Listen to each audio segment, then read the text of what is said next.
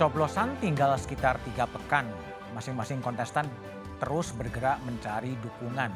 Pejabat pemerintahan juga mulai terbuka menyatakan dukungan, tidak terkecuali Presiden Jokowi. Kepala negara dan kepala pemerintahan ini menyatakan presiden dan menteri boleh berpihak dan mengkampanyekan salah satu kontestan.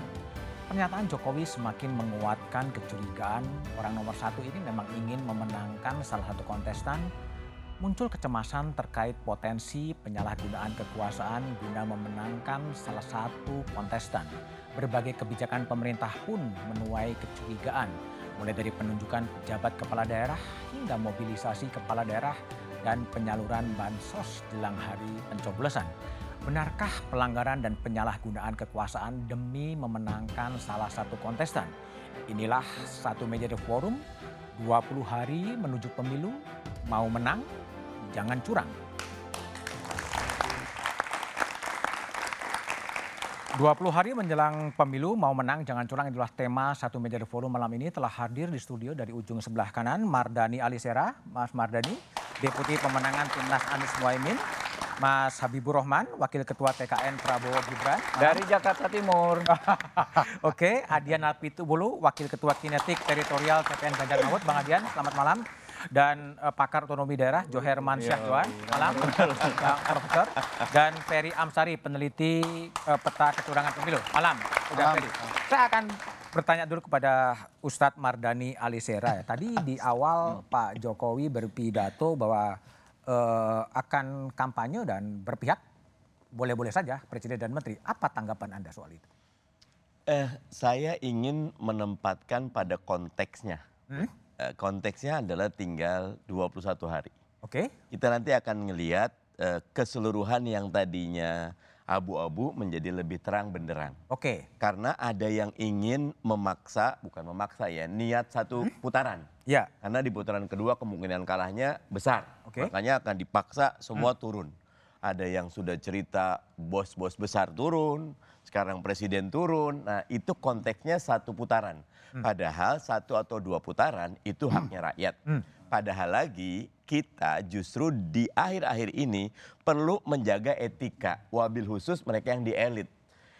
Pertarungan akan makin tajam karena sudah tinggal 100 meter garis finish, sprintnya jalan, senggolannya akan tajam. Nah paling baik yang di atas, presiden khususnya, betul-betul bisa menjaga agar pemilih itu luber dan jurdil. Hmm. Bayangkan ini pertama kali loh, Bud. Ada presiden anaknya maju.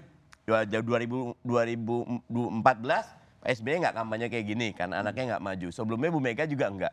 Jadi wajar kalau tensinya tinggi. Hmm. Apalagi ketika tensi tinggi ini presiden mulai mengeluarkan suara seperti tadi. Kalau ngelihat legal formalnya presiden boleh, boleh kampanye asal mengajukan cuti. Tetapi dalam konteks membangun demokrasi yang sehat, dalam konteks kita mendidik masyarakat agar punya pandangan yang sakral terhadap demokrasi, sikap partisan presiden sangat berbahaya. Sangat berbahaya, baik. Bang Adian, gimana tanggapan Anda terhadap tadi uh, termasuk dari Mardani dan juga dari uh, tanggapan presiden sendiri? Terkait dia boleh kampanye? Ya. Nah ini ini sedang saya pelajari memang. Hmm. Pertama memang uh, hal ini pernah cukup ramai tahun 2019. Cuti atau bagaimana-bagaimana. Lalu saya periksa satu persatu. Agak menarik memang ini sampai mungkin nggak kemudian ada keputusan MK yang beririsan dengan beririsan. situasi itu. Mm -hmm. Ini saya ketemu agak bagus ini. dalam konteks negara hukum rumusan norma yang tertuang dalam pasal 299 ayat 1 ini kan artinya 299 ayat 1 itu kan.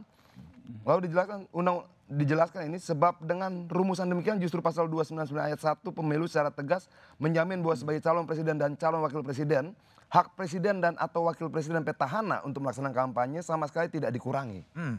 Artinya kalau MK melihat uh, pandangan dia tentang pasal 299 ayat 1 ini kampanye itu boleh dilakukan hmm. oleh presiden atau calon wakil presiden eh atau wakil presiden yang menjadi calon presiden okay. dan wakil presiden. Hmm. Nah ini yang menurut saya harus kita perdebatkan lebih panjang. Lebih panjang. Itu loh kenapa di pasal 301-nya undang-undang pemilu juga dikatakan bahwa eh, calon wakil presiden presiden yang menjadi calon wakil presiden, wakil presiden yang menjadi calon wakil presiden atau menjadi calon presiden.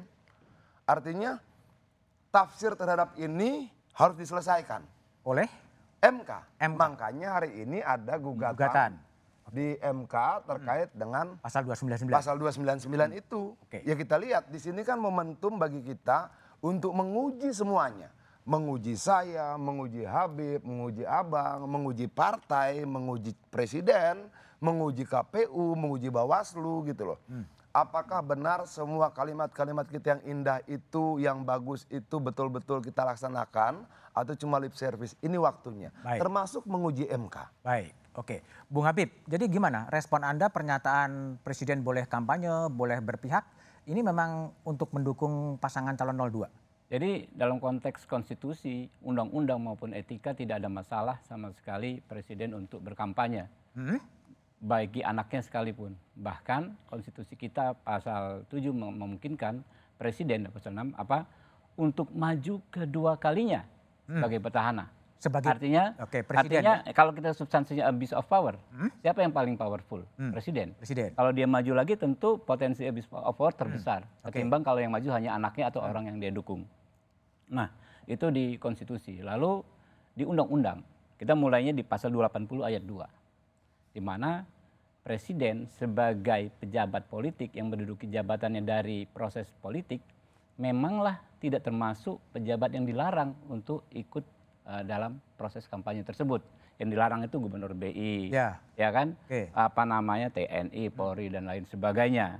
Begitu juga di eh, pasal-pasal yang berikutnya, ya. Kemudian yang paling puncak adalah pasal 299. Mas Budiman, Mas Budiman pasal 299 ini sering kali diuji materi. Ya. Saya salah satunya yang dulu pernah mengajukan uji materi pasal 299 ini Dan belum soal diputuskan. hak presiden ya untuk eh, berkampanye. Tidak ada eh, batasan bahwa ini hanya untuk presiden yang maju kembali, karena intinya adalah bagaimana mencegah abuse of power. Nah jadi eh, jelas berdasarkan konstitusi, berdasarkan undang-undang dan karena juga berdasarkan etika tidak ada masalah yang diproteksi oleh undang-undang ini adalah ya di apa namanya di larangan ini jangan sampai yang pertama kampanye menggunakan fasilitas negara. Oke. Itu satu. Tapi yang kedua juga nggak kalah penting ini di dua- 281 ya. Yang kedua harus cuti ya 281 yang. Tapi yang paling penting yang di 457 ya bahwa presiden dilarang menggunakan kewenangannya atau tindakannya sebagai Untuk presiden calon. untuk menguntungkan satu salah satu atau merugikan salah satu pasangan calon. Ya. Nah, saya pikir ini jelas dan praktek kalau kita mengacu ke apa ke negara demokrasi lain, misalnya ke Amerika Serikat. George W. Bush, ya kan? Waktu itu, ya, apa dia mendukung McCain ketika melawan Obama. 8 tahun kemudian Obama jelas-jelas ikut kampanye ya kan mendukung Hillary melawan Trump ya. Artinya apa? Persoalannya bukan boleh kampanye atau tidak. Tapi- boleh menggunakan kewenangannya untuk kepentingan subjektif atau tidak. Itu yang sama-sama kita kawal dan kita Baik. Pak Budi ya punya Bawaslu. Oke, jadi Bahkan kita juga meng, apa namanya memberikan tempat yang spesial untuk pemantau pemilu nih di undang-undang ini Oke. pasal 411 Ya, itu. oke. Ada pemantau pemilu yang boleh mendaftar Memantau ya. lalu difasilitasi juga oleh Oke, negara baik, baik. kegiatannya. Bung Ferry, jadi apa yang anda ini kan secara legal tadi menurut eh, apa nggak ada yang dilarang, tapi apa keberatan anda ketika presiden menyatakan eh, akan berkampanye, boleh memihak dan lain sebagainya? Eh, sebagaimana publik ketahui, dari awal Presiden sudah berniat untuk cawe-cawe. Oke. Berdasarkan pernyataan Presiden sendiri. Oke, Nah apa yang disampaikan hari ini adalah bentuk dari cawe-cawe itu demi kepentingan bangsa dan negara menurut Presiden. Hmm. Kalau kita lihat eh, ketentuan umum terkait ini, pasal 282-283 Undang-Undang Pemilu, secara umum dikatakan penyelenggara negara dan pejabat negara dilarang ikut kampanye. Hmm. Tetapi ada kekhususan di pasal 281 pengecualian sifatnya.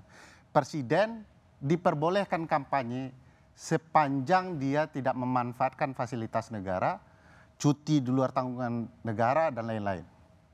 Tapi konteksnya harus dilihat. Tadi Bang Habib mencontohkan Amerika, Mas Budi. Di Amerika, lumrahnya presiden ikut kampanye mendukung calon presiden yang berasal dari partainya. Kondisi Indonesia di bawah rezim Pak Jokowi berbeda.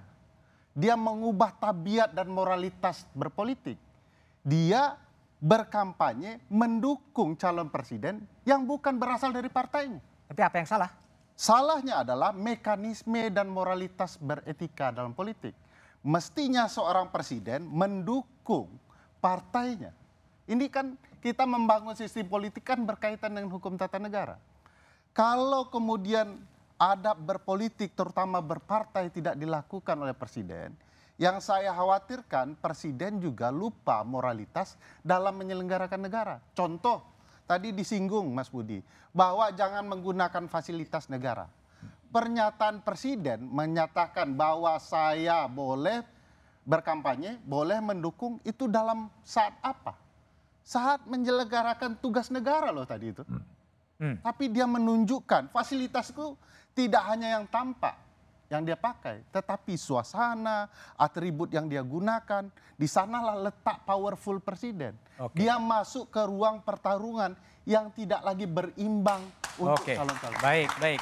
Prof. Joher, gimana Ya. kalau Anda sebagai pakar otonomi daerah eh, melihat apakah memang pernyataan Presiden Presiden boleh berkampanye, boleh memihak, itu apa yang Anda baca dari pernyataan itu? Nah, kalau presiden boleh kampanye, sebetulnya itu kan normatifnya boleh ya Eh, dilibatkan ya. Apalagi ini putranya maju kan. Hmm. Nah, hanya soalnya adalah bagaimana kampanye itu dilakukan betul-betul dia tidak menggunakan fasilitas negara secara eh, total. Jangan tanggung seperti apa yang disebut Ferry Total tadi. itu gimana? Total itu adalah dia baiknya mengambil cuti di luar tanggungan negara dalam masa kampanye. Oke. Secara menyeluruh. Ini kampanye presiden dia kan 75 hari. Hmm.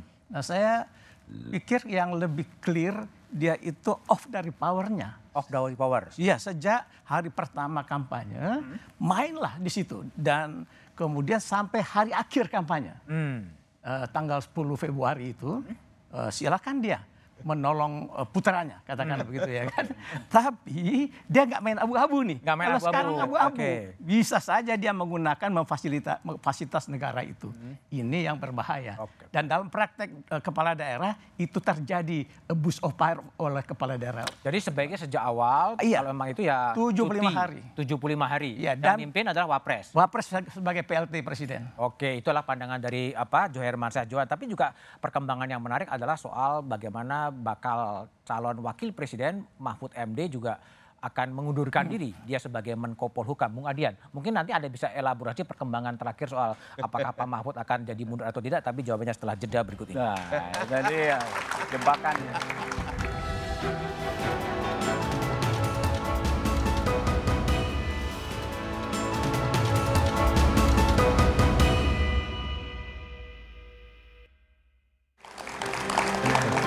Bung Adian, Pak Mahfud kenapa ingin mundur?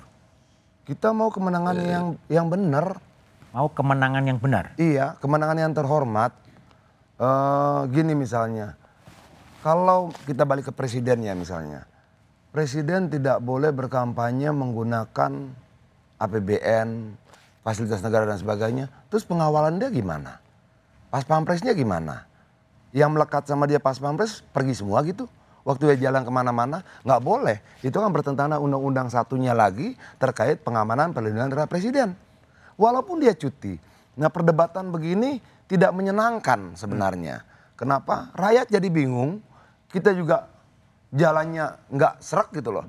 Saya ingat berapa waktu yang lalu saya telepon sama Pak Mahfud ya video call. Dia tanya waktu itu mana. "E, menurut Mas Adian bagaimana? Mundur. Hmm. Kenapa? Biar menang kita terhormat. Itu se- sedikit mungkin peluang orang menggugat. Ya lu kan pejabat negara, lu kan menteri, lu apa? Seminimal mungkin jangan terjadi di kemudian hari gitu loh. Dan ketika dia sampaikan kemarin, sebelumnya Ganjar juga ngomong dia sudah bicara sama Pak Mahfud untuk mundur, saya setuju. Dan menurut saya eh, bahkan misalnya begini ya, Kalau saya mau maju misalnya, saya mau maju jadi apa pun misalnya selain anggota DPR, ya mundur aja emang kenapa sih? Jangan dong kita maju di sini, oke? Double Tapi nggak ya? mau ninggal- ninggalin di sini gitu loh. Jadi kalau kalah di sini balik lagi. Nggak apa? Yuk eh kita bangunlah eh, berpolitik yang terhormat gitu loh. Apa?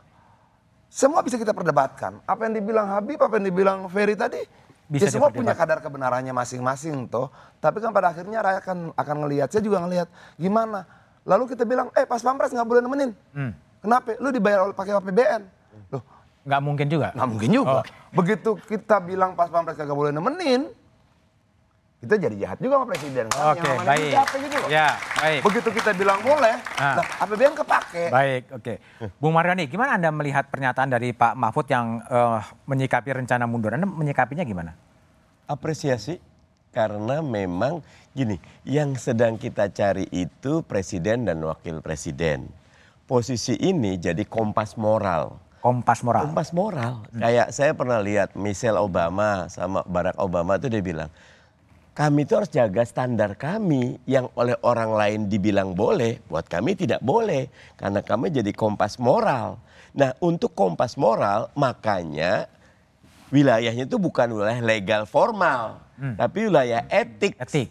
wilayah hati nurani, wilayah dia menjadi guru bangsa, waskita, wilayah dia enggak ini yang harus saya ambil, walaupun pahit ini jalan yang harus saya ambil dan karena itu saya setuju dengan Prof Mahfud dan mungkin ada beberapa menteri yang lain yang merasa tidak nyaman, monggo ikut gitu. Oke. Kalau Pak Mahfud mundur, Muhaimin akan mundur sebagai ketua DPR nggak? Saya mengusulkan demikian. Oh mundur juga? Iya, mengusulkan. Oke, baik. Bung Habib, kalau Ya. melihat tadi Pak Mahfud rencana ya meskipun belum direalisasikan, dengan Pak Prabowo gimana? Itu dia makanya penyakit mendadak mundur ini apa masalah apa gitu loh. Ingin Ini sudah ada tadi. sudah ada 72 hari dilalui. Oh, Kalau misalnya rangkap status saya kasih contoh eh, apa nama ini rangkap status. Rang, rangkap status kita kasih label negatif ya. Sebagai cawapres sekaligus sebagai menteri aktif. Kita kasih label negatif. Jadi yang terjadi selama 72 hari Apa? ini yang dipraktekkan oleh Prof Mahfud adalah sesuatu yang negatif. Apakah ini ini pertanyaan dari rakyat ya? Hmm. Saya tadi kan ngobrol di warung kopi di Pasar Ciplak Jakarta Timur. Jadi yang 72 hari ini di, terus di dipraktekkan, ya kan? Nomor satu. oke oke oke. Dipraktekkan itu apa? Kita ini kan negarawan harus satset, harus berpikir cepat. Mungkin waktu itu harusnya nanya ke Bang Adian ya kan. Sejak waktu daftar pasti Bang Adian bilang, kalau saya tahu Bang Adian ini kan garis keras.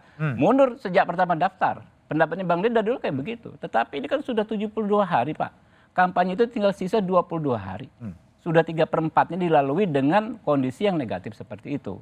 Jadi kalau saya mau mengatakan, tidak ada label negatif atau positif mundur nggak mundur ini Hmm. tergantung masing-masing ada juga persoalan internal misalnya mohon maaf mungkin lelah apa persoalan-persoalan lain gitu kan ya boleh-boleh saja tetapi tidak dengan demikian dalam konteks misalnya eh, kontrario yang mundur menjadi positif yang, tidak, mundur menjadi, menjadi Oke, negatif kalau spesifik soal Pak Prabowo, macam-macam. apakah Pak Prabowo akan mengambil langkah serupa atau tidak, bertahan? Tidak. Setahu saya Pak Prabowo sampai saat ini ya mendedikasikan kepercayaan Pak Jokowi kepada beliau jadi Menhan Oke. untuk menjalankan tugasnya sebagai Menhan melayani rakyat, Hmm. gitu kan ya, memastikan itu yang terjadi. Baik, Bung Ferry. Kalau eh, Bung Ferry lihat, apakah memang sikap mundur dari Pak Mahfud tadi betul-betul bisa mengurangi derajat eh, abuse of power? Iya, kalau dilihat ya bangunan kerusakannya kan di sistem koalisi kita yang eh, instan ya. Hmm. Dalam konteks kasus ini sebenarnya harus ada dibangun budaya tradisi bertatanegara yang baru. Kalau memang sudah pisah jalan, pisah jalan saja dalam bangunan koalisi ini. Apa tuh pisah jalan tuh maksudnya apa? Sekali, ya kan Mundur koali- saja gitu? ya, mundur saja. Oke. Koalisi ini kan sudah sebenarnya sudah selesai ketika Hmm. pilihan presiden dan asal partai mereka berbeda. Kalau Prof Mahfud dan menteri-menteri lain mengundurkan diri dengan memberikan contoh dalam bertata negara, yaitu saya tidak akan menggunakan fasilitas negara, bahkan nama yang ada di dada saya sebagai menteri Hilang. agak ya hilang agar pertarungan betul-betul murni. Nah sayangnya contohnya tidak ditunjukkan oleh presiden dengan mau mengatakan cawe-cawe, melibatkan anaknya, kompas moralnya hilang di presiden sebagai suri tauladan. Apalagi dia akan memasuki fase penting, yaitu fase menjadi guru bangsa. Setiap mantan presiden akan menjadi guru bangsa, dia harus menunjukkan betapa elegannya dia dalam berpolitik. Dan Jadi- itu tidak dicontohkan presiden. Wajar bawahannya ragu. Tapi kan Pak Mahfud sudah merencanakan akan mundur dan itu bisa mengurangi kemungkinan terjadinya penyalahgunaan kekuasaan berkaitan Yes. dengan bantuan sosial dan lain sebagainya. Yes. Ya, yang dikhawatirkan kan pernah disampaikan oleh Prof Mahfud sebelum debat bahwa dia agak khawatir tidak hanya presiden, ada Pak Prabowo yang juga menteri aktif. Jangan-jangan dia akan menyalahgunakan kekuasaannya sebagai atasannya. Dia berpotensi mengontrolnya agar pertarungan berimbang. Coba bayangkan betapa tidak fairnya pertandingan ini karena jabatan-jabatan itu mari mereka semua lepaskan agar pertarungan ini bicara gagasan bukan Baik. saling mencurigai. Prof Joher, jadi kalau Prof Joher lihat ini kan juga Iya. ada saat harus mundur, Iya. tetapi kemudian juga ada apa kebijakan bantuan sosial. ini juga bisa juga kemudian di apa diwujudkan sebagai bentuk eh, aji mumpung ya, mumpung atau seperti apa gitu. Iya betul, saya lihat begitu. Jadi kalau kita tetap dalam jabatan, maka kita masih bisa menggunakan berbagai macam sumber daya power yang kita miliki untuk kepentingan-kepentingan pemenangan lah, tanda petik ya.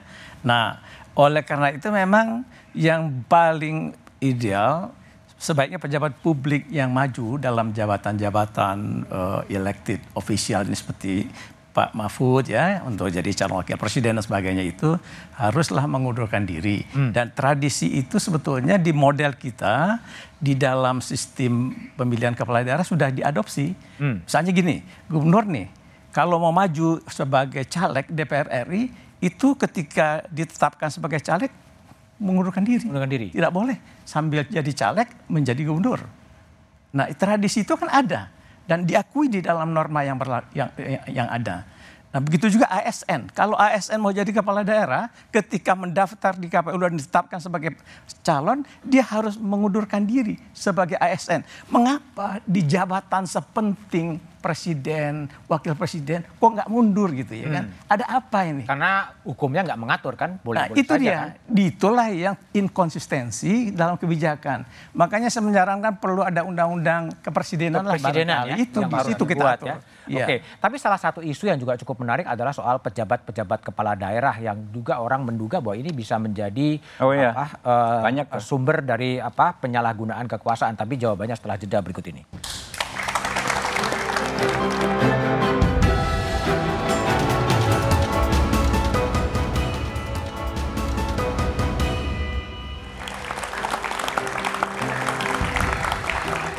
Masih bersama saya Budiman Tantrojo di satu meja The Forum. Ferry Amsari. Kalau lihat data dari 20 provinsi dipimpin oleh 20 pejabat kepala daerah, belum lagi di kabupaten dan kota, dan itu 140 juta suara lah, suara pemilih lah. Apa yang Anda baca dan potensi-potensi kemungkinan terjadinya kecurangan dengan memanfaatkan PJ kepala daerah itu? Ya, setidak-tidaknya kalau dari data yang kami kumpulkan Mas Budi, dari ketika kepala desa menyatakan dukungan kepada calon tertentu, eh, sudah ada indikasi kecurangan, yaitu tidak dilakukan penghukuman oleh kepala daerah terhadap kepala desa yang mendeklarasikan dukungannya kepada calon tertentu. Kalau kita lihat, memang kepala daerah-kepala daerah ini sudah ditempatkan beragam oleh Presiden Joko Widodo melalui Menteri Dalam Negeri. Data kita, kalau kita posisikan dalam bentuk peta, Mas Budi, penjabat gubernur, bupati, dan wali kota itu sudah di seluruh wilayah tanah air. Mereka wajar saja tidak bisa menghukum kepala desa yang mendeklarasikan kepada calon tertentu. Sebab mereka bisa dievaluasi oleh atasannya, yaitu Menteri Dalam Negeri dan Presiden. Jumlah DPT yang mereka kelola jauh akan potensial disalahgunakan di, hari H pemilu 2024 ini. Karena DPT mereka ter, jumlahnya kurang lebih 102 juta. Setengah jumlah DPT nasional yang ada.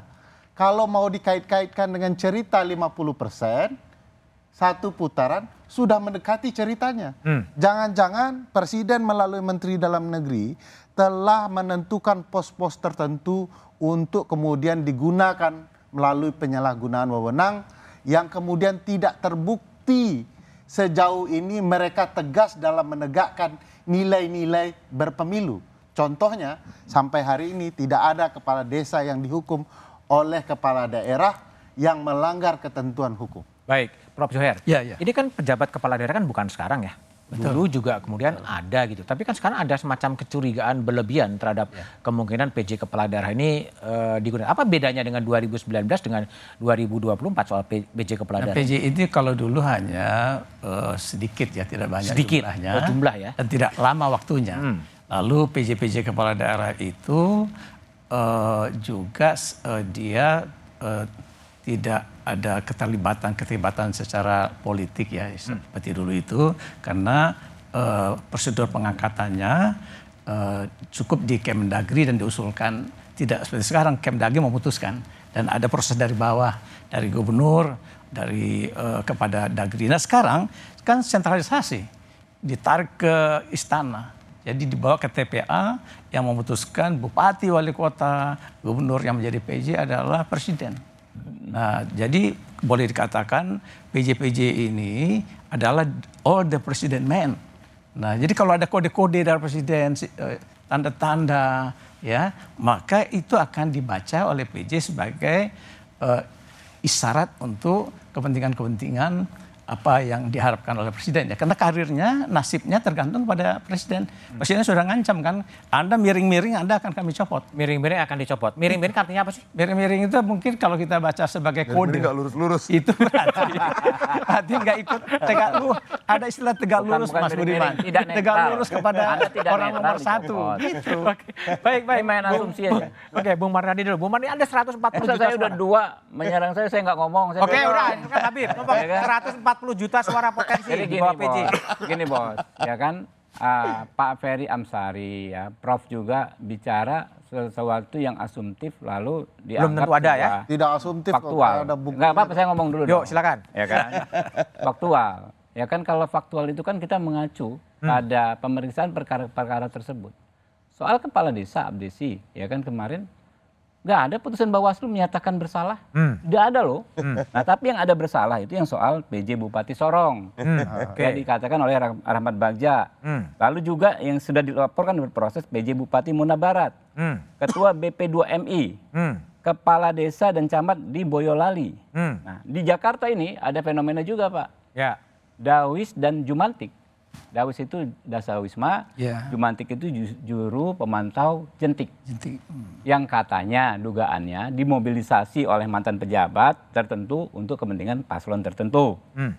Ya, lalu ada BIMTEK eh, SDM PKH ya, program Keluarga Harapan 15 Januari ada yang katanya pose calon tertentu, ya kan? Ada Kemudian 13 apa 16 nih laporannya. ya, kasus mobilisasi Dharma Wanita untuk hadir senam bareng dengan apa namanya eh, Ibu Capres, ya kan? Kemudian ada pencoblosan nomor urut salah satu Paslon. di Taiwan. Ya. Ya. Terus yang ter- terbaru nih baru tadi siang, fresh from, from the open ya.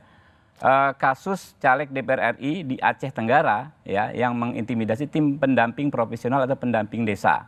Nah ini kalau baru baru maghrib tadi masuk dari kampung saya di Nah, Bandar kalau Lampung. bagi Anda, di Bandar Lampung. sorry. PJ-PJ ini nggak Ada- nggak ada nggak apa nggak nggak punya pengaruh bentar. apa apa. Yang faktual saya bilang ya. Hmm. Dari Bandar Lampung masuk.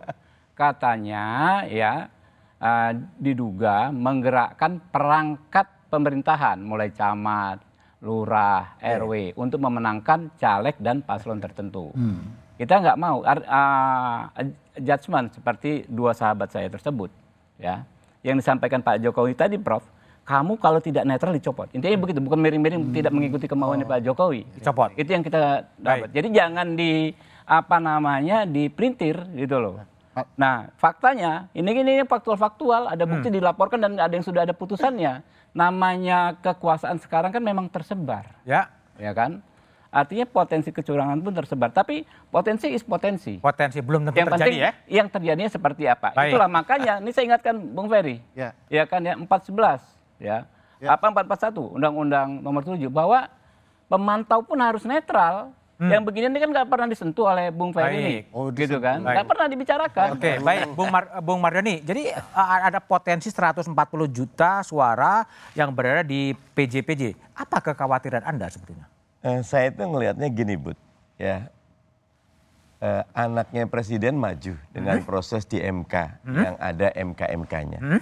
Dari awal presiden mengatakan ingin cawe-cawe. Saya juga mengatakan fakta aja nih ya. Terakhir presiden mengatakan kampanye boleh. Hmm. Oke. Jadi kalau kita menggunakan perangkat legal formal nggak ada yang salah. Karena memang perangkat legal formal kayak Gibran Hmm. bagi-bagi susu itu nggak kena kampanye karena kampanye itu visi misi program citra diri. Tapi- Tapi Gibran kena karena di CFD. Hmm. Nah itu aturan CFD yang lain. Nah itu Pemda yang punya gitu loh. Nah jadi saya ngelihat yang terjadi sekarang adalah sebuah langkah yang sangat sophisticated. Bagaimana orkestrasinya itu nggak terekam. Kalau yang tadi dikasih Habib benar fakta itu. Fakta. Tapi minta maaf itu orang-orang yang menggunakan pola pemilu masa lalu, makanya ketangkep. Hmm. Saya suka menggambarkan Pak Jokowi itu seperti The Joker ya. Kalau lihat film The Dark Knight itu loh. Wow. Batman. Hmm, Batman. Batman itu nggak bisa diapa-apain pokoknya orang bingung karena logikanya luar. Kalau saya tambahin The Joker ditambah The Matrix gitu loh. Karena Apalagi nggak, ya, dimensi lain gitu loh. Oke. Sehingga kenanya pakai hati nurani, kenanya pakai etika, kenanya pakai moral. Sangat jelas, tidak perlu menjelaskan ada pelanggaran etik dan moral ketika sama seperti ada matahari terbit. Ini si- siang hari ya, pasti ya pasti ada matahari gitu loh. Bahwa pelanggaran itu terjadi karena memang ada mastermind-nya gitu loh. Nah itu karena itu seruan kami, ayo jaga pemilu ini luber, Ah, luber dan jurdil. Pakai. Nggak boleh, nggak boleh Oke. menggunakan Baik. cara lain. Jaga luber dan jurdil gitu Baik, loh. Bung Adian. Ada 140 juta suara di bawah 20 PJ. Apa sebenarnya Anda identifikasi atau kekhawatiran Anda terhadap kemungkinan penyalahgunaan kekuasaan? Itu kan masih asumsi. Kalau yang disampaikan Habib tadi kan yang tidak berkuasa aja bisa curang, bagaimana yang berkuasa kan gampang. Artinya bahwa oke yang ber- yang tidak berkuasa potensial curang potensial. Bagaimana dengan yang punya kekuasaan ya lebih potensial lagi. Gitu loh. Tapi begini, eh, kemarin ada video-video kepala desa gitu loh. Kepala desa, oke? Hmm, kan beredar di mana-mana. Terus saya ngobrol sama beberapa teman-teman kepala desa. Eh, emang lu pada mau kalau diarah-arahin gitu? Terus mereka bilang, eh, Yan, lu tahu gak? Jadi kades tuh biaya kampanye berapa? Terus maksudnya gimana? Ya kalau misalnya kemudian dia terlibat waktu kampanye pemenangan kita mah, kita ikut-ikut aja. Ini kagak mau ngatur-ngatur, dia bilang begitu kan. Terus, nah terus itu kalau yang mungkin nggak tuh kepala desa kepala desa tuh perangkat desa perangkat desa tuh ikut bikin video-video, ya mungkin aja buat nyeneng nyenengin atasnya, dikerjain di bawah kagak. Belum tentu. Ini kan lomba menipu. Sana nipu sana, sini ngibulin sini, sini, sini. Segala macam. Sebagai caleg profesional ya. Nah, Habib, ya. iya. Nggak di, di, Kita, sering jadi korban juga. Lomba menipu ya. Mas Budi, sedikit saja. Sampai orang kan bilang begini, sorry bentar dulu. bang, kita nih punya masa nih bang. Ah. Punya suara berapa? Sekian juta. Ah. Datang lagi besok. Berapa? Bang. Sekian juta. Ah. Loh, begitu kita total, empat kali jumlah penduduk Indonesia. nah artinya bahwa gini loh. Kalau saya Ah. ditanya, lu takut gak? Enggak. Enggak. Itu loh, gampang aja. Kalau mereka pegang kepala desa, kita langsung datang ke rumah rakyat. Hmm. Gitu loh. Kepala desa jumlahnya berapa sih? 78 ribu. Hmm. Oke. Pegawai negeri berapa sekian? Rakyat berapa? Banyak benar. Udah temuin rakyat aja lah. Langsung ya, Udah langsung itu aja. door to door. Tapi kemudian bagaimana Jangan mau dapat suara rakyat, gak usah pakai perantara, langsung temuin rakyat. langsung door to door strateginya yang Adian. untung perantaranya. Ya. Tapi kemudian bagaimana pemilih harus menyikapi ketika banyak sekali yang kemudian tadi istilah Adian adalah saling tipu jawabannya setelah jeda berikut ini.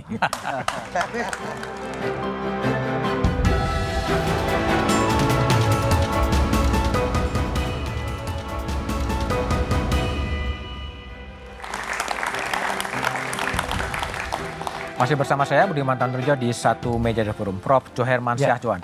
Publik menyikapi harus bagaimana untuk mencegah dan menjaga agar PJ maupun kepala desa itu bersikap netral. Ya, saya kira publik harus terlibat untuk memberikan eh, tekanan ya kepada eh, eh, para eh, pemain politik ini supaya dengan demikian mereka akan berpikir dua kali untuk eh, melakukan kecurangan-kecurangan itu, pelanggaran-pelanggaran. Nah, yang kedua yang juga harus dibetulin ke depan adalah perbaikan kebijakan. Baiknya memang Indonesia ini punya eh, undang-undang kepresidenan. Dan satu lagi catatan saya adalah sebelum pilkada serentak nasional nih, yang juga akan kita gelar November 2024 ini, baiknya undang-undang pilkada itu direvisi supaya jangan nanti terjadi lagi kasus-kasus kecurangan atau dugaan kecurangan seperti yang sekarang Mas Budiman. Baik, Prof. Joel. Bung Adian, jadi apa sih strategi dari paslon nomor 03 agar mencegah terjadinya kecurangan-kecurangan di level bawah? Pertama kita akan menyerukan seluruh rakyat Indonesia gunakan handphonemu. Hmm. Jadilah saksi mata sejarah. Jadilah saksi-saksi demokrasi di semua TPS. Handphone itu adalah senjata kita. Kumpulkan bukti-buktinya. Kedua, kita akan menggerakkan sekian banyak saksi. Ini potensi kecurangan ya. Curang dalam proses. Ada yang belum dibicarain. Satu TPS dua setengah persen kertas suara lebihnya. Kalau rata-rata 300 berarti ada 7 kertas suara. Kali itu 800 ribu, 15, 815 ribu TPS. Berapa banyak? Tingkat kehadiran cuma 70 persen, 80 persen. Yang hadir 20 persen. Dari 300 berarti ada potensi 60 kertas suara yang tidak terpakai. Oke, 60 kertas suara kali itu 18.500. 815 ribu TPS. Berapa banyak? Saksi itu penting. Jagain tuh. Biar kertas suara tuh nggak dipakai orang. Kenapa? Gede banget potensinya. Dari si- dari sisa kertas suara ya? Dari sisa kertas suara saja. Dan hampir dari tiap pemilu ke pemilu. Jadi kalau kita mau bicara kecurangan pemilu dari ujung jalan tengah sampai ujung nih. Sampai ngitung kita harus kontrol betul tuh bahwa kertas kotak suaranya kita kawal. Semua kita kawal. Nah, di sinilah kita butuhkan partisipasi rakyat yang betul-betul iya, yang betul-betul pengen Indonesia menjadi lebih baik. Baik. Itu loh. Baik. Bahwa kemudian ada pejabat-pejabat yang mau menggunakan kekuasaannya untuk berlaku curang, pasti ada. Mau besarnya sekian persen, sekian persen pasti ada. Baik. Ada rakyat biasa yang bukan menjabat juga mau berlaku curang, Pasti juga ada. ada. Tapi rakyat yang ngawasi ya? Ya, tapi di sini saya ajak seluruh rakyat Indonesia mau milih siapa pun itu jadilah saksi-saksi sejarah di TPS masing-masing. Senjata kita apa? Senjata kita handphone. Handphone, Itu baik, oke, foto, baik. Foto, sebarkan, viralkan. Habib, Bung Habib, apa mencegah eh, terjadinya potensi-potensi kecurangan itu, Bung Habib? Ya saya setuju sekali apa yang disampaikan Prof dengan uh, Bung Adian ya. Masyarakatlah yang akan menjadi Mengawasi. hakimnya, yang akan menjadi jurinya menilai ini semua dan mengawasi. Ya, uh, gunakan semua perangkat yang ada pada kita agar tidak terjadi abuse of power, penyalahgunaan kekuasaan seperti contoh-contoh yang saya sampaikan tadi. Tapi di sisi lain saya juga mengingatkan ya kita juga harus menanam- menanamkan yang namanya optimisme. Ya, pemilu ini kan pesta kita semua, pesta ratusan juta orang yang diselenggarakan oleh ratusan ribu penyelenggara. Ya, kecurangan kita lawan bersama-sama, tapi spirit bahwa ini adalah momen, event bagi kita untuk menentukan uh, pilihan, menentukan uh, pemimpin yang akan memimpin kita lima tahun ke depan, itu harus kita maksimalkan. Baik, kita baik. serap kampanye ini, ya, kita cermati gagasan-gagasan, ya, uh, pemimpin seperti apa yang bisa membawa negara ini lebih baik ke depan. Bung Mardani, silakan. Eh, yang pertama saya ingat Bang Napi ya. Hmm. Waspadalah kejahatan itu karena ada kesempatan. Jadi pastikan kesempatannya tidak ada. Yang kedua, the devil is in the detail. Ya, bahwa setan itu ada pada kedetailannya.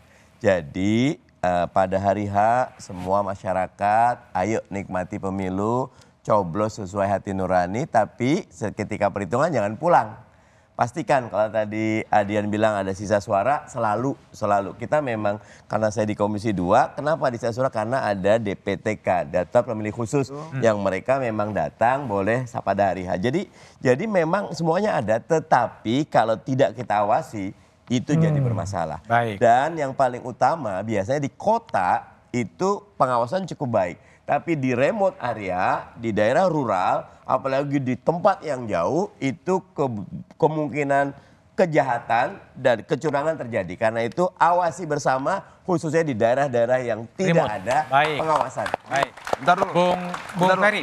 Bentar dulu Pak. Apa? Bentar. Pendek aja ya, pendek. Ya, pendek. pendek Kan aja. habis waktu. Kalau rata-rata tiap TPS ada 60 kertas suara tidak terpakai karena tidak datang pemilih dan sebagainya. Artinya ada 48 juta kertas suara yang tidak terpakai. Awasi. Oke, baik. Bung Ferry, Ya. Anda kan bikin kanal kecurangan Ya. pemilu. Apalagi yang perlu diawasi sebetulnya? Sifat kekuasaan pasti menyimpang. Maka mata publik untuk memantau pemilu perlu dilakukan. Tidak sekedar memvideokan atau memfoto kecurangan. Pastikan video dan foto itu memenuhi standar jurnalisme terutama. 5W1H, siapa pelakunya, di mana TPS-nya dan bagaimana mereka melakukan kecurangan. Laporkan salah satunya ke website kami kecuranganpemilu.com. Nah. Di sana kita akan melihat secara nasional di mana saja lokasi-lokasi kecurangan yang ada untuk kita buktikan bersama-sama bahwa kekuasaan sangat potensial menyimpang melalui upaya mempertahankan kekuasaan itu via pemilu. Oke. Jadi dengan bersama-sama kita pasti bisa mengawal. Baik, oke terima kasih Bung Peri, Prof. Zuber, Bang Adian, Bung Habib, dan Bung Mardani. Pemilu 2024 tinggal 20 hari lagi. Biarkanlah pemilu berjalan apa adanya. Tanpa intimidasi, tanpa pengaran, tanpa upaya mengakali suara. Biarlah akal sehat dan nurani pemilih berdaulat dalam menjatuhkan pilihan. Sikap netral pejabat negara amat sangat dibutuhkan dan seharusnya memang demikian. Keberpihakan secara terbuka pejabat negara hanya akan menimbulkan kegelisahan publik. Dan itu semua akan menentukan legitimasi pemilu. Demikian satu meja The Forum malam ini. Tetap saksikan Kompas TV untuk mengupdate informasi seputar pemilu hanya di Kompas TV independen terpercaya. Sampai jumpa pekan depan. Selamat malam dan terima kasih.